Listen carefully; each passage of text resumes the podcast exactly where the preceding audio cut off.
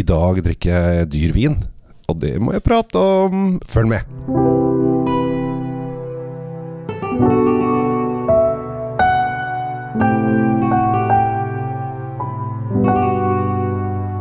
Hei og hjertelig velkommen til eh, en ny episode av Kjells vinkjeller. Nå er jeg ikke hjemme. Nå har jeg akkurat vært igjennom en masterclass med Maison Louise Latour.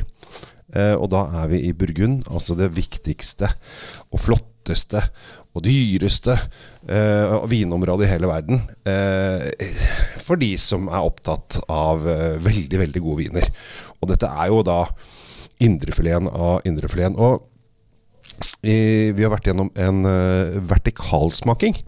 Og jeg tenkte egentlig mest uh, For dette her er viner som egentlig ikke kommer til Norge. Så av og til så blir det sånn Skal jeg sitte og fortelle deg om viner du ikke får tak i? Eh, nei, egentlig ikke. Det er ikke så viktig.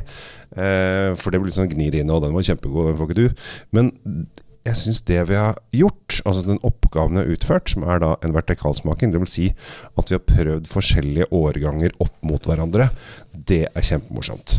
Og uh, vi har vært gjennom uh, rødt og hvitt. Og det som er litt uh, artig med Burgund også, når de gjør dette her, er at de begynner med rødt. Og så tar de hvitt etterpå. Og det er litt uvant, for som regel når man uh, er i alle andre land, så begynner de med hvitt, og så har de rødt til slutt.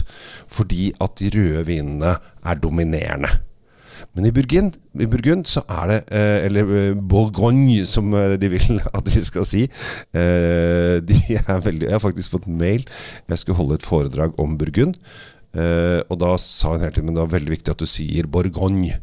Og så sier jeg nei, det, det kan jeg ikke si. Eh, fordi at i Norge så kaller vi det Burgund, og da skjønner Det er ikke vits å bruke det. Er, det er litt sånn som at alle andre land, bortsett fra Hel eh, Norge og Hellas, kaller Hellas Hellas. Eh, I Sverige kaller de det Grekenland. Eh, og hvis de skulle plutselig begynne å si Hellas, så hadde ikke svenskene skjønt noen ting. Eh, det er fordi at svensker er litt treige. Nei da, dere er ikke det. Jeg er så mye hyggelige svensker der ute. Men uansett. I eh, Burgund så begynner de alltid med de røde først, fordi at det er pinot noir lett, elegant, delikat. Uh, leskende. Og så kommer da de hvite til slutt, og da har de ligget ofte litt på fat. For her uh, har vi vært oppe i Grand Cru, altså det som er det top of the top. Uh, og da har de alltid de hvite til slutt, for de er litt fete, runde, fyldige, tjukke, elegante. og i og for seg ganske kraftig. Uh, og uh, den første, den røde uh, så, I og med at jeg sa at dette her er flotte saker Den røde er det da Da begynte vi på 2016. Og så hadde vi 2017, 18, 19 og 20. Vi hadde fem årganger. Og det som er litt morsomt, er at på polet nå, i Norge, så er det bare 2016 du får. Selv om 2017, 18, 19 og 20 er tilgjengelig i andre land. Men de kommer da neste år så kommer da 2017 osv. osv. Eller kanskje de hopper fremover. Men det som skjedde der som jeg synes var helt fantastisk. Dette er vin 2016, kan du få kjøpt på polet eh, til den ringe sum av eh, 1500 kroner. Eller 1499,90 som det heter. Eh, og er en fantastisk nydelig vin. Eh, med deilig rund munnfølelse, elegant. Litt sånn vanilje fra fat, moden frukt osv. osv. Nydelig greie. Eh, men det som var litt morsomt, var at vi begynte med den, og så kom 2017, og da kjente vi ja, den, den var litt yngre. Og så kom 2018, som var bare What? Hva skjer her? Da var den helt tørr. Eh, har åpna seg i det hele tatt.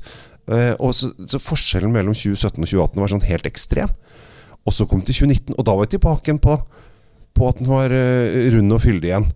Så 2018 var en Selv om det er akkurat samme vin, lagde akkurat samme mennesker i akkurat samme åker på akkurat samme sted, så var 2017 og 2019 like, men 2018 var helt annerledes. Fordi at den Det året var det ganske varmt.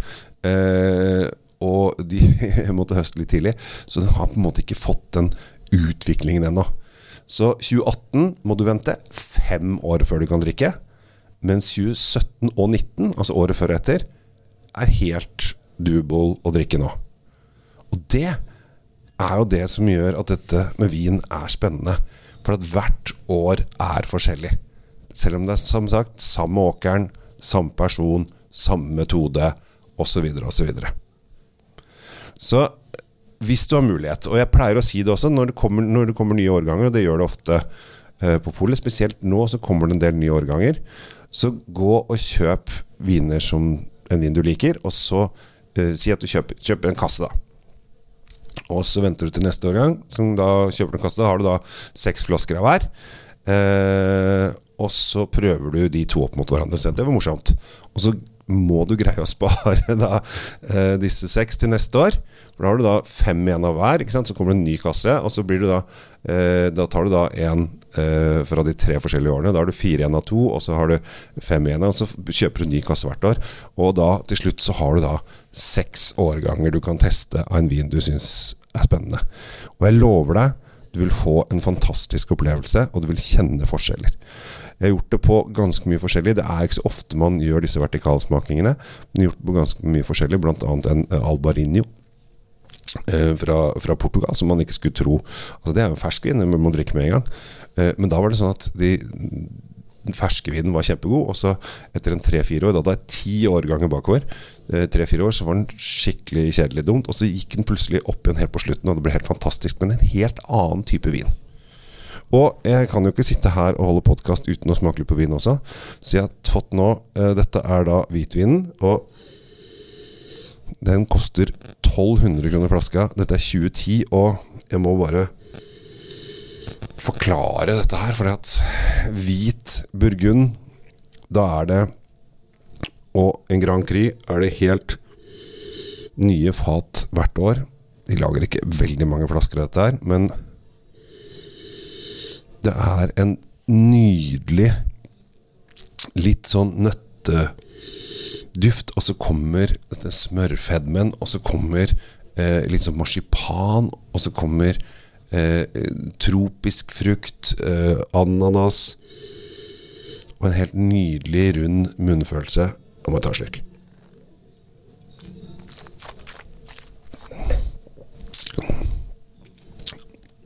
Dette er vilt.